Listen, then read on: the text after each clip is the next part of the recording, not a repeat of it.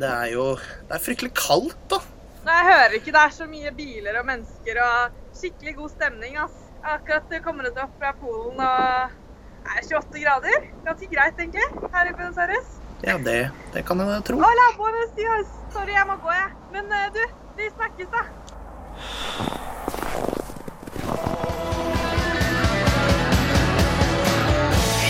Selskapet. Hei sann, hopp sann og huff a meg. Når gradestokken kryper ned mot ti blå, og du veit de der dagene med 20 fortsatt er i vente, da er det ganske tøft å ta telefoner fra korrespondenter på ferie i Argentina. Men ingen skal beskylde oss i Vitenselskapet for ikke å være inne i tida. For i disse dager så passer det jo fint at vi kjører ei sending om nettopp kulde. For kulda, bortsett fra å være nesten en gammel følgesvenn for oss her oppe i nord, gir oss faktisk mer enn nok å ta tak i. I dag får du blant annet høre om det kaldeste av det kalde, nemlig det absolutte nullpunkt. Du får høre om hvordan noen av våre Tellus-medboere takler kulde, og om en tid det faktisk var ganske mye kaldere enn i dag.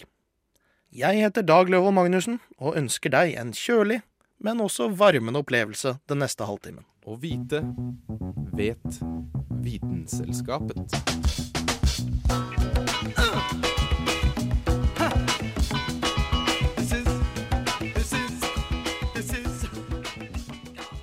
Men vi begynner en litt annen plass. For siden vi først skal snakke om kulde i dagens vinselskap, så er vi jo før eller siden nødt til å komme inn på det som på godt norsk heter hypotermi. Det kan man støtte på om man for eksempel går ute om vinteren i skikkelig våte klær, eller blir full og sovner i ei snøfonn. Hypotermi er altså gresk for å bli skikkelig, skikkelig nedkjølt. Og med mindre du vet hva du bør gjøre hvis du finner en skikkelig, skikkelig kald person, ja da, da kan det gå skikkelig, skikkelig gærent. Visste du at for å måle temperaturen riktig på en person som er alvorlig nedkjølt, må man føre et termometer 10 cm inn i endetarmsåpningen? Men før du går hjem for å sjekke om termometeret ditt faktisk kan nå så langt inn i et menneskes kropp, er det kanskje greit å vite at de færreste termometrene folk har hjemme, går så langt ned i temperatur at det er spesielt nyttig å bruke tid på å måle dette uansett. Jeg har derfor laget en liten liste over ting du bør gjøre hvis du finner noen som er kraftig nedkjølt, og enda viktigere, hva du absolutt ikke under noen omstendigheter må finne på å gjøre.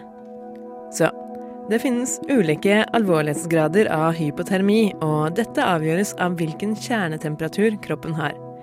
De fleste vet at den ligger på ca. 37 grader celsius til vanlig, men hvis du har mild hypotermi, har den sunket til 35-32 grader. Hvis du ikke får målt kjernetemperaturen, kanskje pga. dette som jeg tidligere nevnte med termometeret, så kan du kjenne igjen mild hypotermi ved at personen skjelver, er blek og kald, har vondt i ledd eller hender, men er ved bevissthet, som er et veldig godt tegn. Det sier seg kanskje selv, men prøv å få personen inn i varmen eller kle på dem noe tørt. Hvis du ikke har et ekstra skift tilgjengelig, må du ikke ta av dem de våte klærne, for det kan gjøre situasjonen verre. Pakk dem heller inn under skjermene, våte klær og alt. Du kan eh, tappe i et varmt bad for dem hvis de er sterke nok til å klatre opp i badekaret, eller i det minste prøve å dele kroppsvarme med dem. Uh. ok, sorry. Eh, hypotermi kan nemlig være veldig farlig. I hvert fall når man begynner å miste bevisstheten pga. kulda. Ved moderat hypotermi begynner kroppen å bli lunken innvendig, dvs. Si ned mot 28 grader. Man slutter å skjelve, begynner å snakke slørete, puste svakt og bli forvirra. Og det er en av grunnene til at hypotermi er så farlig, fordi mange blir så surrete at de er vanskelig for å tenke logisk, og dermed redde seg sjæl. Så flaks at du er der for å hjelpe dem, og at du har hørt nøye med på hvordan du kan redde liv. Å ringe 113 nå er f.eks. en god idé, mens du beskytter dem for vind og regn og pakker inn hodet deres så ikke mer varme forsvinner ut. Du kan gi dem varm drikke, men ikke under noen omstendigheter gi dem alkohol. Fylla er jo som kjent ikke så bra, men for folk med hypotermi er det virkelig ikke bra. Og så må du passe på å følge med på om de begynner å miste bevisstheten, for det tyder på at de er gått inn i alvorlig hypotermi, altså at temperaturen er under 28 grader. Og det er nå du virkelig skal trekke pusten dypt, si oh-oh, og bruke alle dine krefter på å sørge for at temperaturen går opp, ikke ned. Og det er også her det er veldig viktig at du unngår å gjøre to feil, som er veldig enkle å gjøre fordi de kanskje virker logiske, og det er slik de gjør det på film. Det ene er når en person er blitt så kald at hen er blitt bevisstløs, må du ikke prøve å varme dem opp med direkte varme.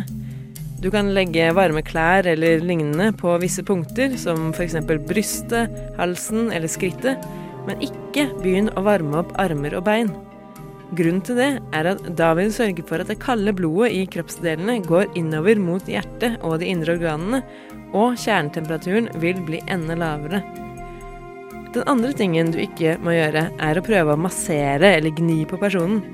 Faktisk bør du behandle dem veldig forsiktig, fordi det er stor fare for at hjertet deres skal stoppe. Og hjertekompresjoner, det har vi dessverre ikke tid til å gå inn på i denne korte overlevelsesguiden. Så husk å kle dere godt i vinter, folkens. Hypotermi må for øvrig ikke forveksles med hypertermi, som til tross for at det høres nesten likt ut, betyr akkurat det motsatte, nemlig for høy kroppstemperatur. Hun som har på seg tre lag med ull og har laget denne guiden her, hun heter Kristin Grydland.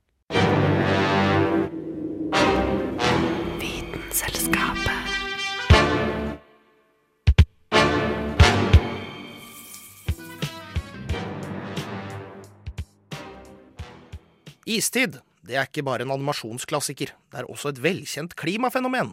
Men hva kommer disse iskalde periodene av, og hvordan vet vi at de har vært? Og når kommer neste istid? La oss se hva vi kan grave frem fra brekanten. Føler du noen gang déjà vu, at ting gjentar seg sjøl?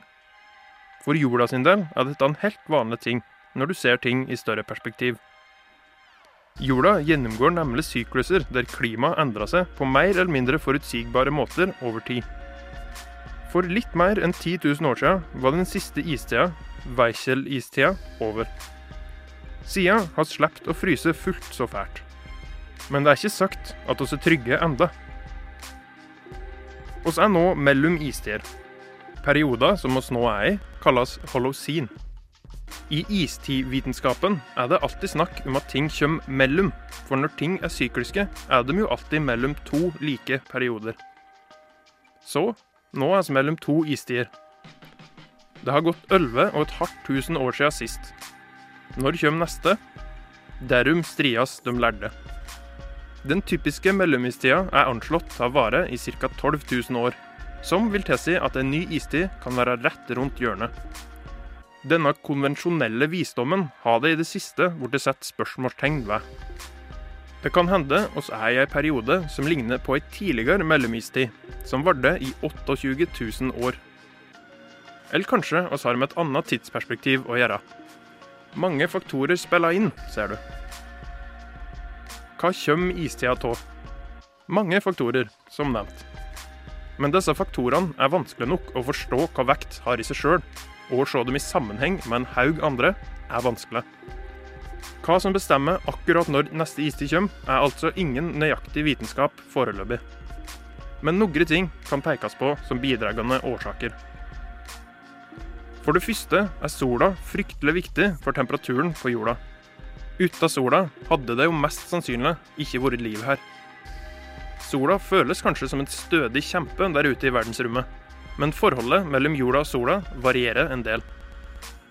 For det første er ikke jordas bane rundt hydrogensammensmelteren konstant. Den varierer i et stort tidsrom, og temperaturen på jorda blir selvsagt påvirka av hvor nærme eller langt unna oss er sola. Hva vinkel jorda har i bana, er òg vesentlig, så vel som hvor mye solaktivitet oss har med å gjøre. Hvor hardt sola jobber, varierer nemlig òg en del. Jordspesifikke faktorer er òg viktige. For det første er kontinentalplatene sin posisjon viktig. Disse flyter rundt på mantelen og kan havne så is kan legge seg, f.eks. kontinentet som ligger under Sørpolen, Antarktis. I tillegg så vil posisjonen til kontinentene påvirke en annen vesentlig faktor, nemlig havstrømmene. Havstrømmene sender varmen rundt omkring på kloden, og hvor godt varmen blir fordelt, er vesentlig for hva temperaturer vi får. Uten Golfstrømmen hadde Norge vært enda kaldere enn det det er i dag. Den mest dagsaktuelle faktoren har du kanskje alt tenkt på. Atmosfæras sammensetning har jo en vesentlig effekt. Drivhusgassene, den mest kjente er vel CO2, fanger varme i atmosfæra så det ikke slipper ut igjen i verdensrommet. Gassene kommer fra forskjellige plasser. Gasser kan bli fanga eller frigjort fra under bakken i permafrost, som er tilfellet med metan i Sibir i dag. Vulkaner spyr ut en hel del CO2, så aktiviteten her er vesentlig. Men det er jo ett spørsmål som byr seg fram. Hva er det den menneskelige påvirkninga har å si? Nå blir jo jorda varmere av at oss brenner det meste av karbonkjedene oss finner under bakken. Det er fryktelig kjipt, men slipper jo i alle fall å bekymre oss for en ny istid. For når det er varmere, blir det jo ikke kaldt. Men så enkelt er det ikke.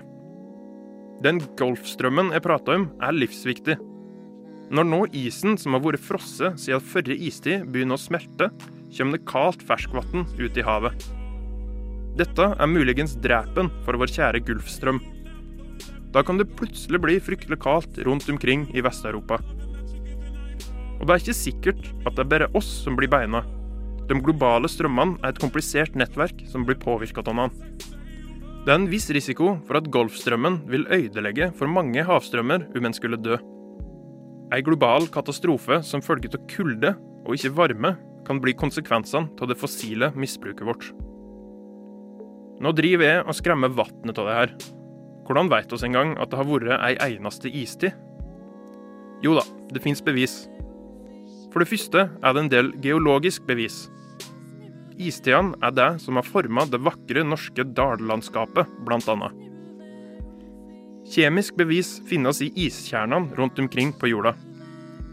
Vitenskapsmenn har bora seg langt ned i isen på polene for å hente ut gammel informasjon om tidligere istider.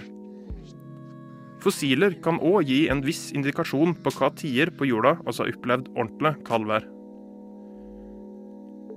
Istider er så kompliserte ting at det er vanskelig nok å si hva som har skjedd forover i tid, så alle framtidsspådommer må tas med ei klype salt.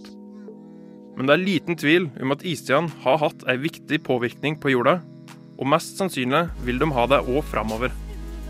Det er bare å sette seg ned og strikke så mange par med ullabber som en klarer. Og mannen du hørte her, heter Carl Adams Kvam. Vite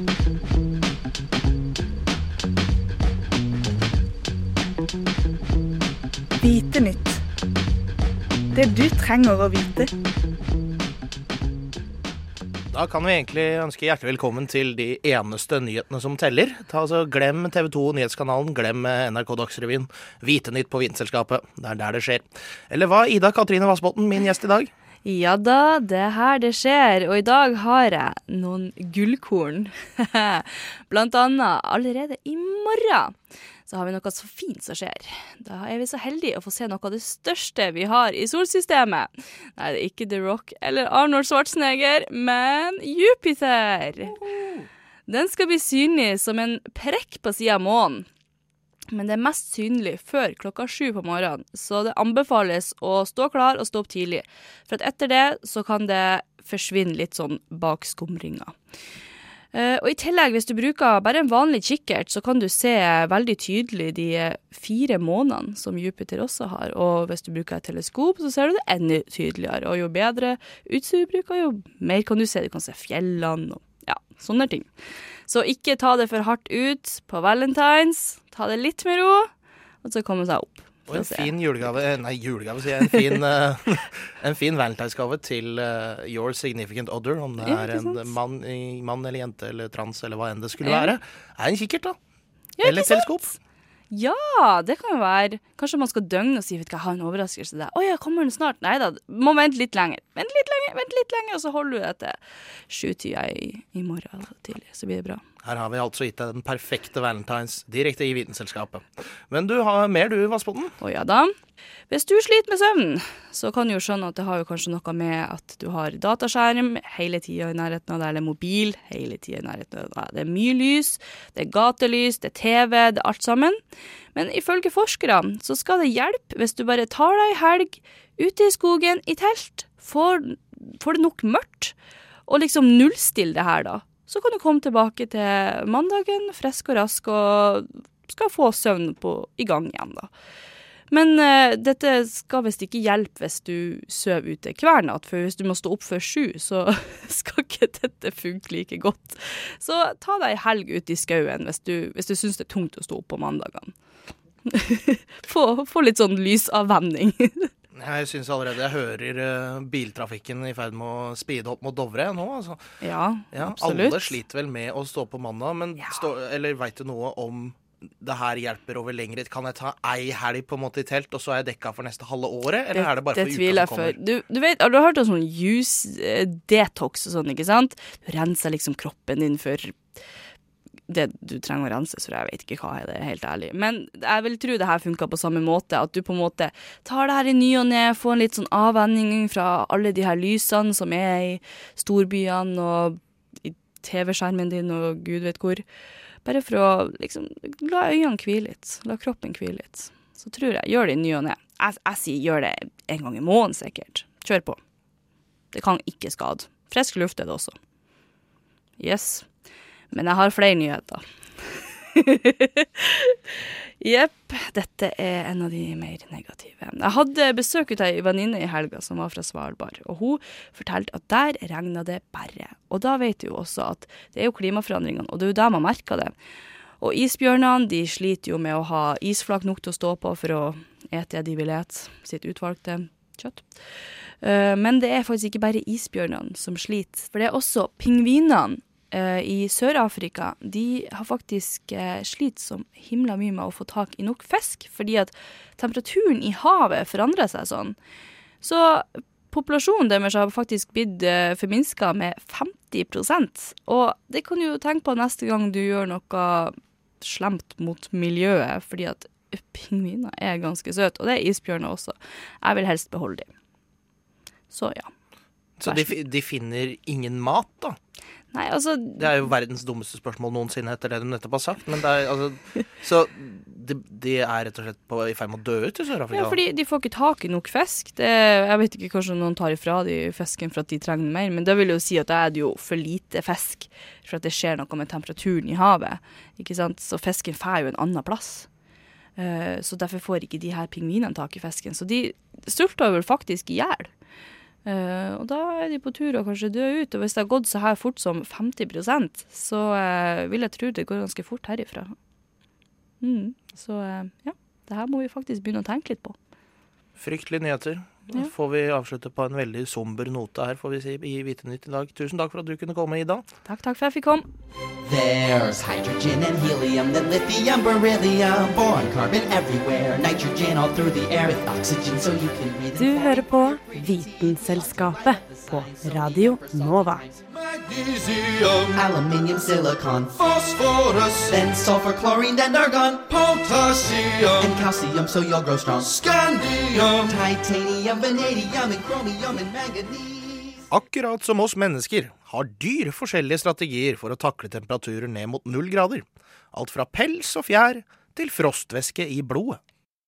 Når gradestokken går under null grader celsius, transformeres landskapet. Du får frostrøyk ut av munnen, alt flytende vann blir transformert til is, og snøkrystaller formes. Levevilkårene på vinteren, og på steder der det er under null grader hele året, gjør det vanskelig for dyrene som lever under disse iskalde forhold. Hvilke strategier blir satt i bruk mot kulden? Som vi vet er det flere. De åpenbare er pels og fjær, som isolerer mot kulden. Våre firmente pattedyrvenner som hunder og katter, men også ekorn, mus, rotter, harer og kaniner har alle tykk pels som beskytter mot vær og vind, og som enkelt holder dem varme om vinteren, selv i grader langt under null. Visse typer pattedyrpels er spesielt effektive i kuldegrader, og reinsdyrets pels gjør at den kan forbli varm helt ned i 50 minusgrader. Dette er ikke bare fordi pelsen beskytter mot vær og vind, som allerede nevnt, men det er også fordi pelsen hjelper med å ivareta varmen reinsdyret allerede produserer. Pattedyr er nemlig jevnvarme dyr. Det vil si at gjennom forbrenningen, metabolismen, så genererer de sin egen kroppsvarme, i motsetning til reptiler, aka krypdyr, som får sin kroppsvarme direkte fra sola. Pels består ukontroversielt nok av mange individuelle hår, og disse hårene fanger mellom seg varme lommer av luft, slik at ikke den dyrebare kroppsvarmen til pattedyret blir fortapt i vinterens sprengkulde. Fugler har sine egne måter å bevare kroppstemperaturen på. Deres metabolisme er høy. I likhet med pattedyrene er de endotermiske kontra eksotermiske. Og fjærene har på mange måter overlappende funksjon som hårene i pelsen. Men det som beskytter fugler i arktiske strøk, som pingvinene, mest, er et underliggende lag med fett. Denne fettbeskyttelsen minner om spekket man finner i andre dyr fra arktiske strøk, som isbjørner, sel og sjøløver har. Isbjørnen har i tillegg svart hud under den hvite pelsen, for å fange opp de dyrebare solstrålene i den arktiske kulden. Dette var litt om pattedyr og fugler, høyst aktive og komplekse dyr. Men hva med dyr som ikke er jevnvarme? De dyrene som er avhengig av landskapets eksterne temperatur, som amfibier og insekter. Og hva med fisk? Fisken har sine egne måter å løse problemet med kulde på. For det første så fryser ofte overflaten av vann til is, slik at fisken under overflaten kan leve et tilnærmet normalt liv. Fisk er ikke jevnvarme, de må være i bevegelse for å opprettholde heten. The heat of the game så noen beveger seg simpelthen tregere til temperaturen i vannet blir varmere igjen. Et problem dog er oksygen. Med mindre sollys som penetrerer overflaten av vannet, blir det mindre oksygen. Og blir det for lite, kan fisken dø. Dette er et naturlig fenomen som noen ganger forekommer i vinteren. Når det kommer til fisk i arktiske strøk, så er det noen arter som har utviklet en naturlig form for frostvæske i årene. Anti-freeze. Denne naturlige frostvæsken baserer seg på såkalt antifrysproteiner, som binder seg til iskrystaller i kroppen på organismen og hindrer ytterligere isvekst. Dette hindrer i sin tur vev fra å bli ødelagt. Noen reptiler på den annen side er ikke besittelse av disse imponerende antifrysevnene, men har sine egne måter å takle kulde på. Som nevnt tidligere er reptiler ektotermiske, dvs. Si at de må få varme utenfra. Ekto betyr fra utsiden, der endo betyr fra innsiden. Reptiler dør hvis de blir ute lenge under null grader. Det er derfor reptiler i nordlige strøk, sånn som hoggorm og stålorm i Norge, gjemmer seg under bakken og går i dvale til solen kommer frem igjen på våren. Dvale er det samme som at metabolismen går ned, slik at organismen ikke bruker noe energi. På den måten kan den overleve uten å være i bevegelse i flere uker og måneder av gangen. Både reptiler og pattedyr, som bjørnen, drar nytte av dvaletaktikken for å overleve kulde. Men er det noen dyr som tåler å bli nedfrosset? Noen frosker går gjennom frys-tin-sykluser, og de tåler å bli frosset helt ned. Først sørger noen molekyler i froskens hud for at den fryser ytterst. Deretter forårsaker leveren produksjon av glukose som puffer opp de dehydrerte cellene. Et problem for oss mennesker er at kulden suger alt vannet ut av cellene våre, slik at cellene blir ødelagt. Men frosken sørger for at cellene forblir intakt, selv om hele kroppen er nedfryst. Nå forskes det på om vi kan lære av froskens biomolekylære system, slik at vi også, kanskje med tiden, kan fryse ned mennesker. Muligens er det nøkkelen til evig liv. Dette kalles på fagspråket kryogenisk nedfrysning.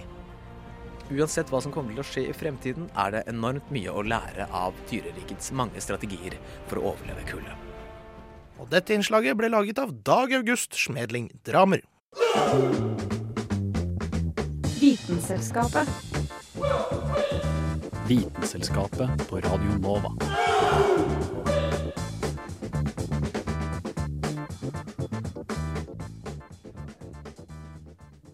Har du, som meg, lurt på hva blå ballonger har med kulde å gjøre? Jeg vil ha en stor ballong. En sånn derre fin ballong. En med hatt og nese på. Og den skal være blå. Jeg vil ha en blå ballong, synger Arne Bendiksen der han står på torget i Bergen og ønsker seg en stor og blå ballong. Denne sendinga handler riktignok verken om eh, blå ballonger eller Bergen, men om kulde. Og vi skal prøve å svinge innom dette temaet nå. Det kan bli ganske surt og kaldt i Bergen også, men grunnen til at lille Arne og ballongselgeren har en rolle i dette innslaget, er at jeg vil transportere dem til et mye, mye kaldere sted enn Torgallmenningen. På dette kalde stedet, der temperaturen er under minus 200 grader celsius, er det nemlig umulig for ballongselgeren å innfri Arnes ønske om en stor ballong. Den er fortsatt blå, men mens temperaturen har sunket, har volumet av ballongen også minsket, sånn at den nå ser mer ut som en blå rosin enn en ballong. Volumet av gassen inni ballongen, i likhet med volumet av alle gasser, bestemmes nemlig av hvor fort eller hvor mye partiklene i gassen beveger seg. Den bevegelsen, eller termiske energien til gassen, er avhengig av temperatur. Ved lavere temperaturer beveger partikler seg mindre enn ved høye temperaturer, og gasspartiklene har mindre energi til å dytte på ballongveggene. Gassens volum og ballongen blir mindre. Lave temperaturer eller kulde er med andre ord lav partikkelbevegelse.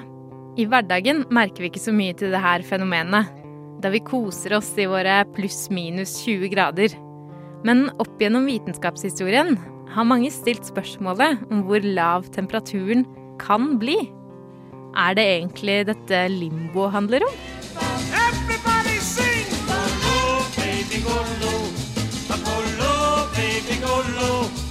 It's time, baby, to show how low. Chubby Checker, jeg skal gi deg svaret. Det finnes nemlig et absolutt nullpunkt. Dvs. Si et punkt der temperaturen ikke kan bli lavere. Dette punktet finner vi på minus 273,15 grader celsius, eller null kelvin. Og innen klassisk fysikk tilsvarer dette temperaturen der partiklene ikke lenger har noen energi. Partiklene er helt uten vibrasjon. Nå er det jo sjelden så enkelt innen fysikk. Kvantemekanikken forbyr nemlig denne type tilstand av nullenergi. I hvert fall sier Heisenbergs usikkerhetsprinsipp at vi ikke kan si at partiklene når noe annet enn sin laveste energitilstand, grunntilstanden. Altså må vi si om det absolutte nullpunkt at det er den temperaturen der partikler har veldig, veldig, veldig, veldig lav energi. De er i sin grunntilstand. Men finnes det noen steder der temperaturen er null kelvin? Altså absolutt nullpunkt? På dette stedet ville i så fall Arne Bendiksens blå ballong være fullstendig uten volum. Men jeg kan trøste lille Arne med at det absolutte nullpunkt ikke er mulig å nå praktisk. Det er kun en teoretisk størrelse. Likevel så finnes det eksempler på temperaturer der ballongen ikke ville vært mer enn en mikroskopisk rosin. Den lavest naturlige temperaturen som er observert i universet, er bare én kelvin, altså én grad over absolutt nullpunkt. Og temperaturen tilhører bumerangtåka, 5000 lysår unna jorda. I laboratorier på jorda har imidlertid forskerne tatt frem temperaturer som nesten når det absolutte nullpunkt. Den laveste temperaturen som er registrert, var en bit rodiummetall som målte 100 pikokelvin. Altså 0,00000000001 kelvin. Da må det være lov å si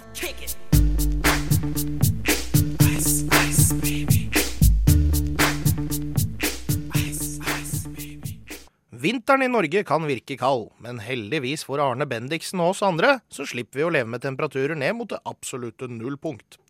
Hun som laget dette innslaget, heter Hanne Grydland. Vitenselskapet. Det var alt vi hadde for denne gang. Om du ikke fikk med deg alt av denne sendinga, eller vil høre mer fra den ekstra så joviale gjengen her i Vitenselskapet, er våre sendinger tilgjengelige på Soundcloud. Der går vi under navnet Vitenselskapet. Vi har også utfyllende stoff og annet snatter på vår nettside. radionova.no vitenselskapet. Skulle du sitte med spørsmål om noe rart, eller kanskje noe du tenker er for dumt å spørre noen, send oss et spørsmål på Facebook eller i en SMS med kodeord NOVA til 2440. Jeg heter Dag Løvo Magnussen, og neste program er Et eget rom. Så hold deg der du er. Vi ses! Vitenselskapet.